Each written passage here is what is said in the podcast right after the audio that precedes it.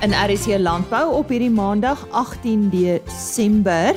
Ons het onlangs 'n uh, Agbiz Media Dag bygewoon en uh, ek het daar met Theo Boshoff gesels. Ons hoor wat hy te sê gehad het oor landbou sake in Suid-Afrika en ook hoe ons mededingend kan bly ten spyte van al die uitdagings. Dan praat ons weer met Johan Odendaal. Hy is 'n onafhanklike vleisbeeskonsultant en hierdie keer oor vetverspreiding. Die belangrikheid daarvan vir die verbruiker, vir die handelaar en ook vir die voerkraal en hoe dit beheer word en waarom dit uh, van kardinale belang is uh, veral ten opsigte van prysbepaling.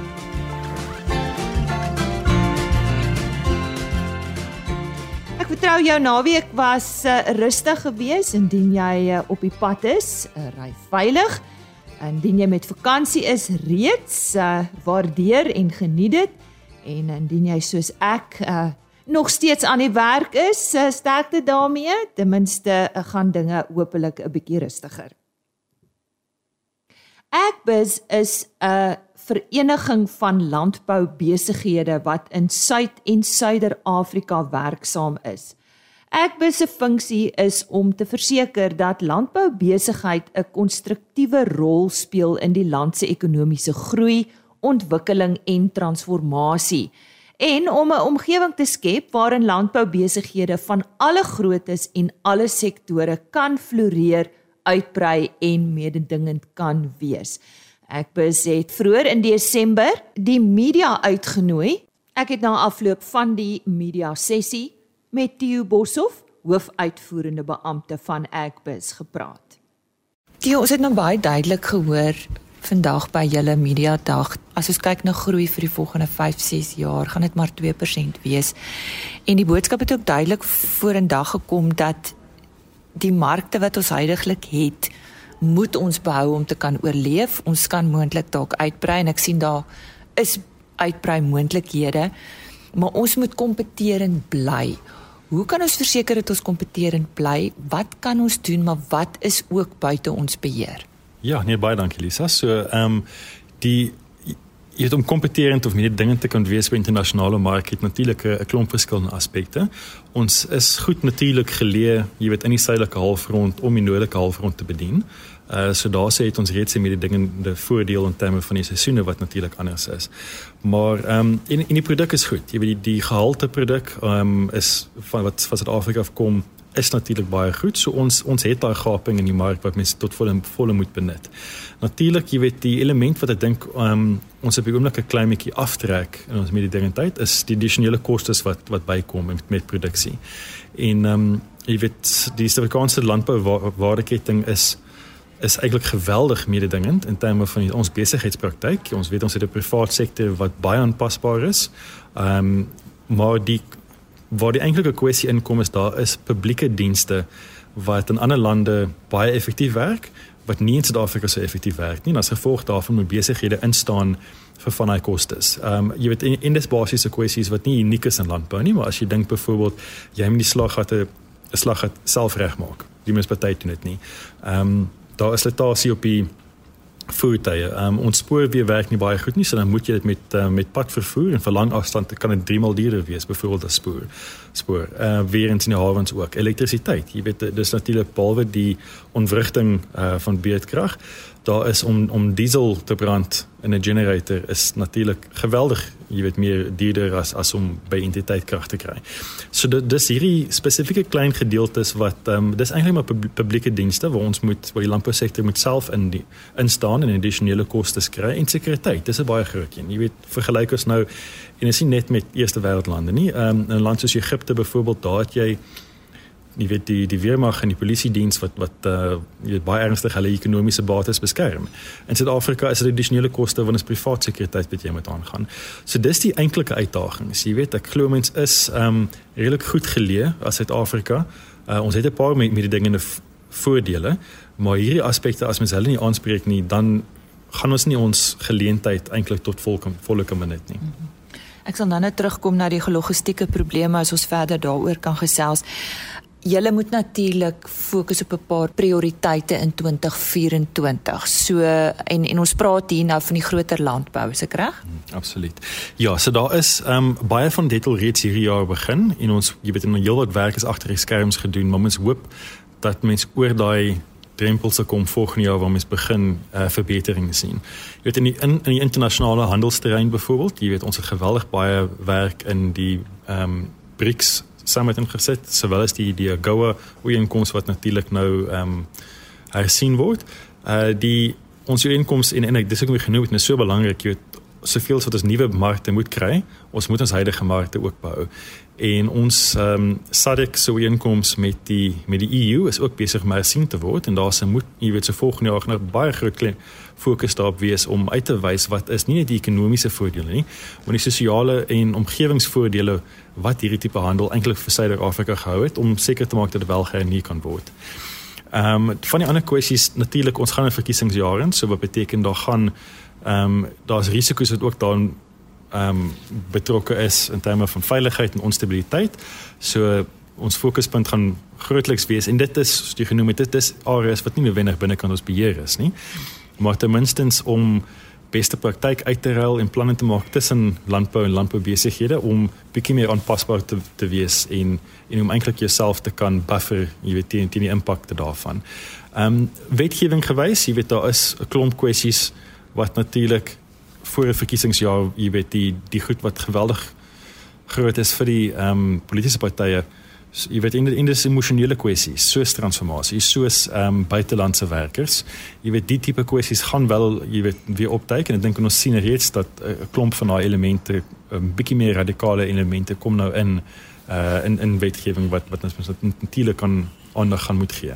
Ehm um, laastens jy weet 'n nuwe kwessie wat nogal sterk opduik. Ehm um, ek dink die georganiseerde landbou en landboubesigheid ons het 'n lang geskiedenis van om saam met regering te werk, saam met gemeenskappe te werk, saam met georganiseerde arbeid te werk en ek dink tot 'n mate weet mense ehm um, dit is nog geleer, jy weet die soft skills hoe om dit te doen. Maar daar is 'n uh, 'n nuwe party, jy weet of of 'n nuwe element wat aktivisme is in landbou wat geweldig besig is om toe te neem.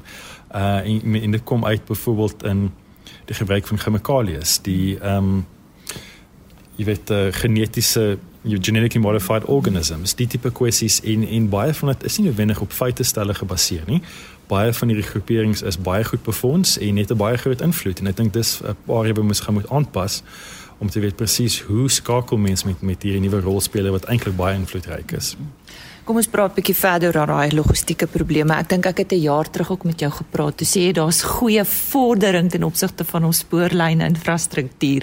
Waar staan sake nou? Is daar lig Daar is lig, maar ek dink presies soos 'n jaar terug, die die uitdaging daarvan is ehm um, daar's lig in die tonnel vir 2 of 3 jaar van nou af. Daar's 'n paar fundamentele veranderings wat plaasvind. Ehm um, ons werk nou al die hele jaar uh, gesamentlik, jy weet, aan die uh, freight logistics roadmap wat die presidentsie kyk om eintlik die institusionele raamwerk vir logistiek jy weet totaal en al te verander.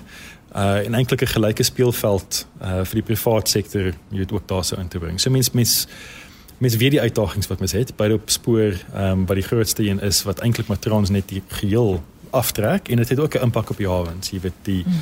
ehm um, wat wat natuurlik die die korttermyn uitdagings is nou daarso om toegang te kry vir derde partye op die spoor waar die staat die jy weet die infrastruktuur sal besit en infrastruktuur moet onderhou en eintlik moet die fokus verskuif daarna toe as 'n publieke entiteit en dan om kompetisie ehm um, jy weet op die spoor vir derde partye ook te fasiliteer. En daar's daar's geweldig baie wat daaraan gaan. Jy weet die konsep van 'n network statement uh wat eintlik jy weet 'n onafhanklike reguleerder, mens kan nie hier die situasie hê waar wat trouens net wat tans die monopolie het eintlik die voorwaarde stel vir enigiemand anders om in te kom. Jy weet dit dit sal eenvoudig nooit werk nie. So daar's daar is daar kondisies moet opgestel word, die tydsraamwerke, die lisensiefoëye, ehm um, daar's 'n klomp werk wat wat reeds hierdie jaar ingegaan het en ons hoop dat volgende jaar of waarskynlik nader aan die einde van volgende jaar sal van hierdie goed in plek wees en dan kan ons regtig uh, liberalisasie kry in ons logistieke kwessies.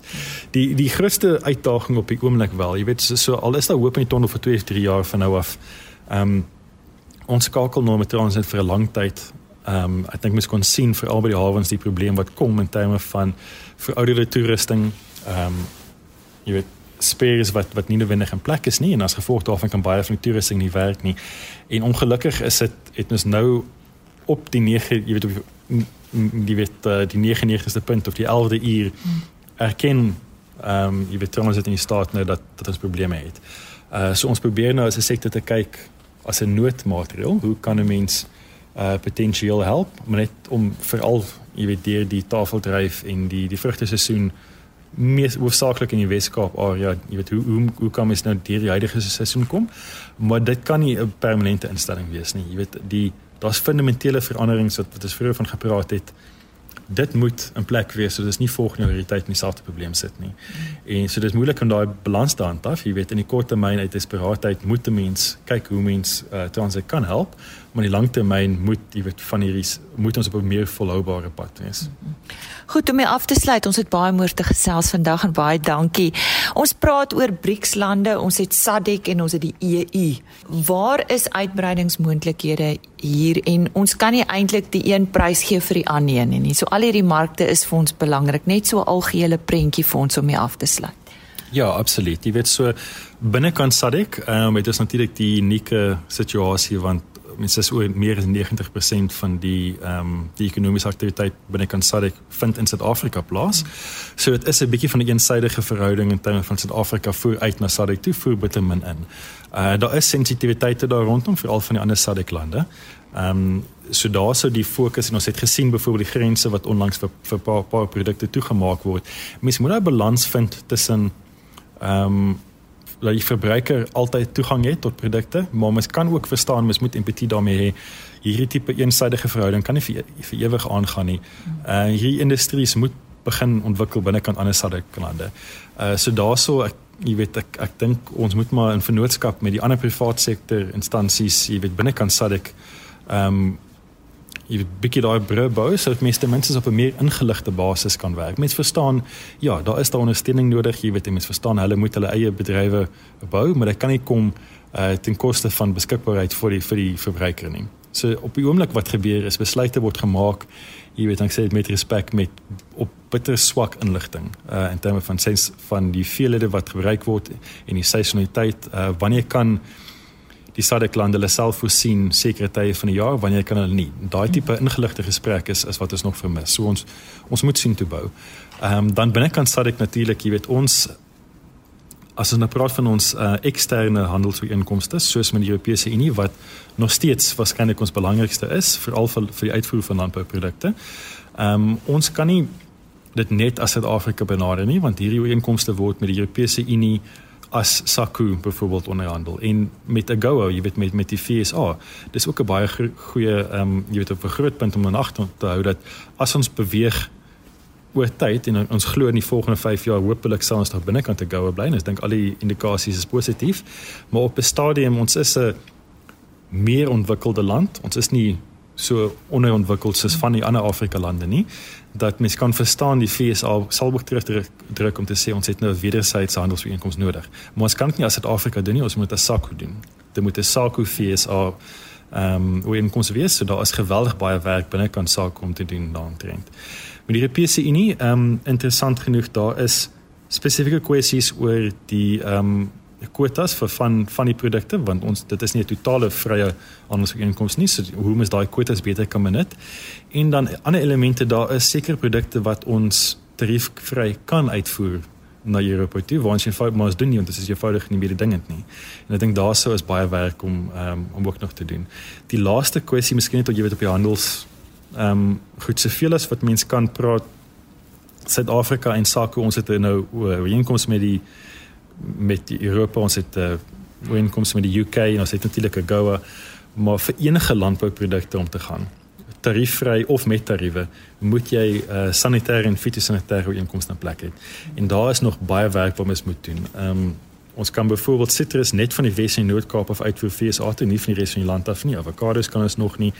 En uh, dieselfde geld maar ook met met ehm um, Asië want dit is natuurlik waar daar groot ehm um, vraag is. Daar is baie verbruikers, daar is geweldig baie mense en 'n groeiende middelklas daarso. So dis 'n geleentheid, maar mens moet ehm um, en nou is besig om vordering te kom in terme van meer en meer toegang te kry vir landbouprodukte maar fitosanitêre ooreenkomste in plek te kry. Maar dit moet ook volg met met tariefvrye ehm um, ooreenkomste sodat ons kan weer dinge wees met byvoorbeeld Australië, Nieu-Seeland en Suid-Amerika wat net selfde mark het uitvoer. Nou ja, uitdagings sal daar altyd wees, maar is goed om te weet dat ons mededingend kan bly. Theo Boshoff, hoofuitvoerende beampte van Agbus wat tydens 'n Agbus Media Dag met my gesels het.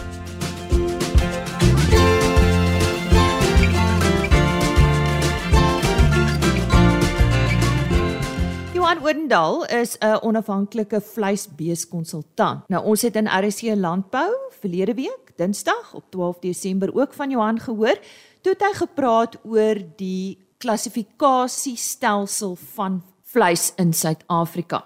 Vanoggend praat hy oor vetverspreiding.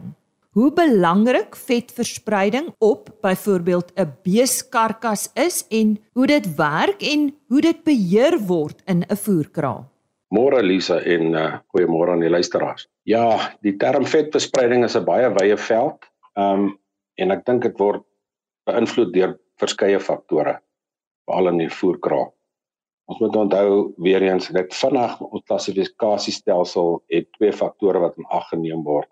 Eerstens is dit die dikte van die vet, dan na die onderhuidse vet, die buitenste vet wat op die karkas sit en dan die ouderdom van die dier. Ons moet onthou is baie keer belangrik die tipe dier of dan die kalf wat in die voerkraal inkom.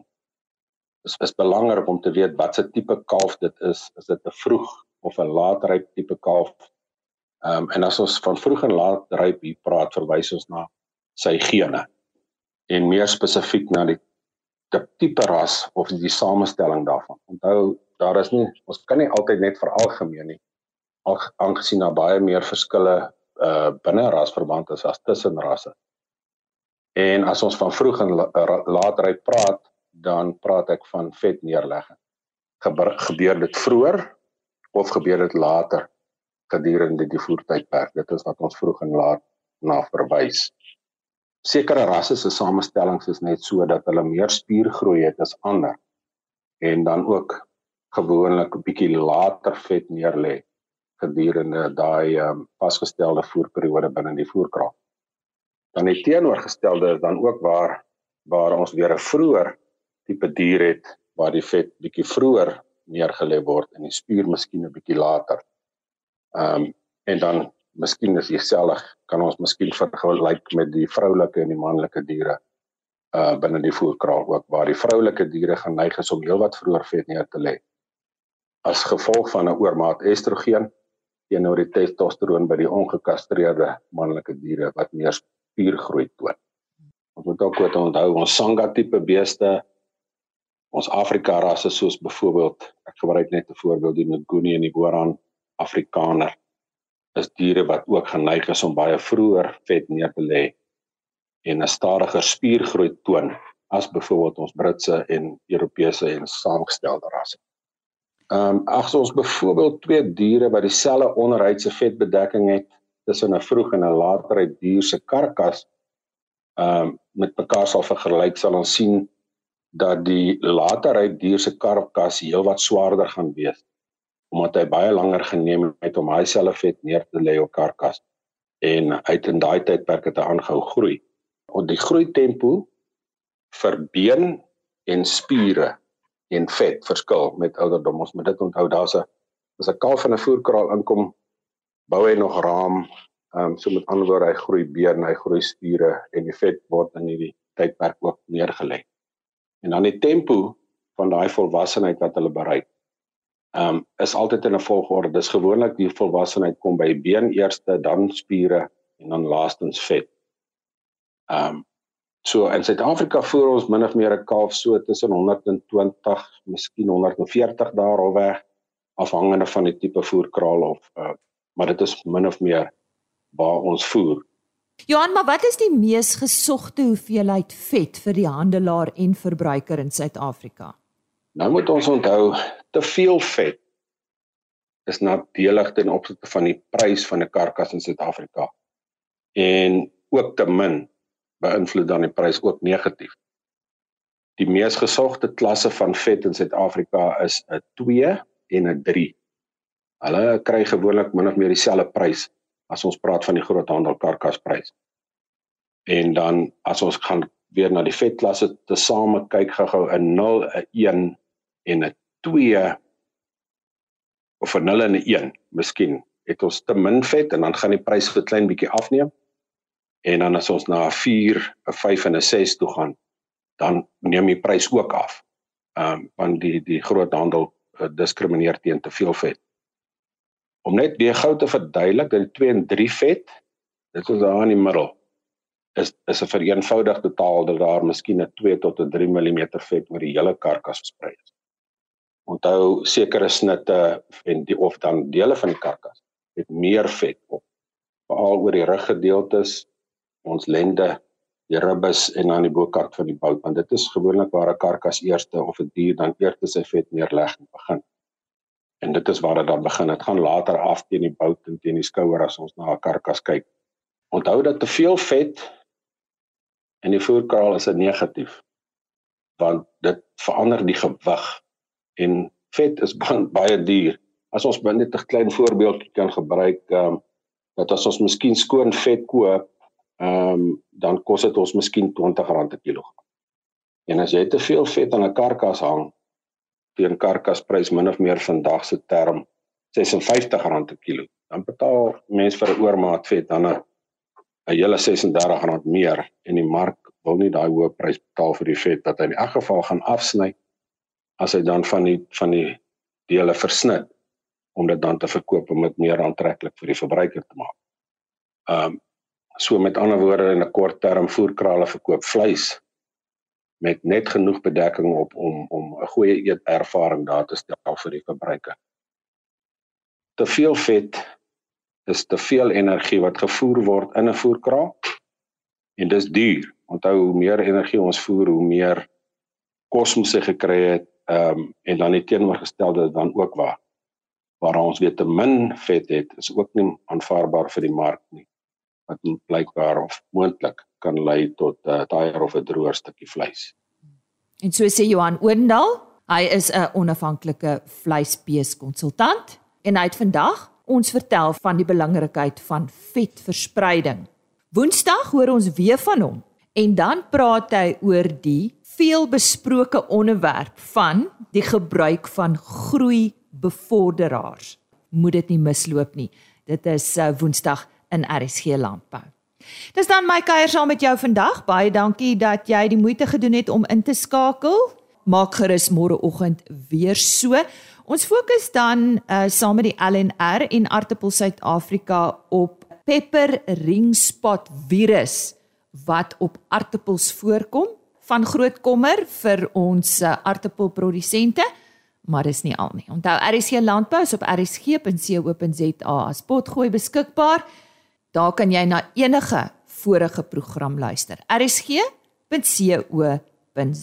Stuur gerus vir my e-pos rsglandbou@plaasmedia.co.za. Geniet dan die res van jou dag. Totsiens. RSG Landbou is 'n plaasmedia produksie met regisseur en aanbieder Lise Roberts.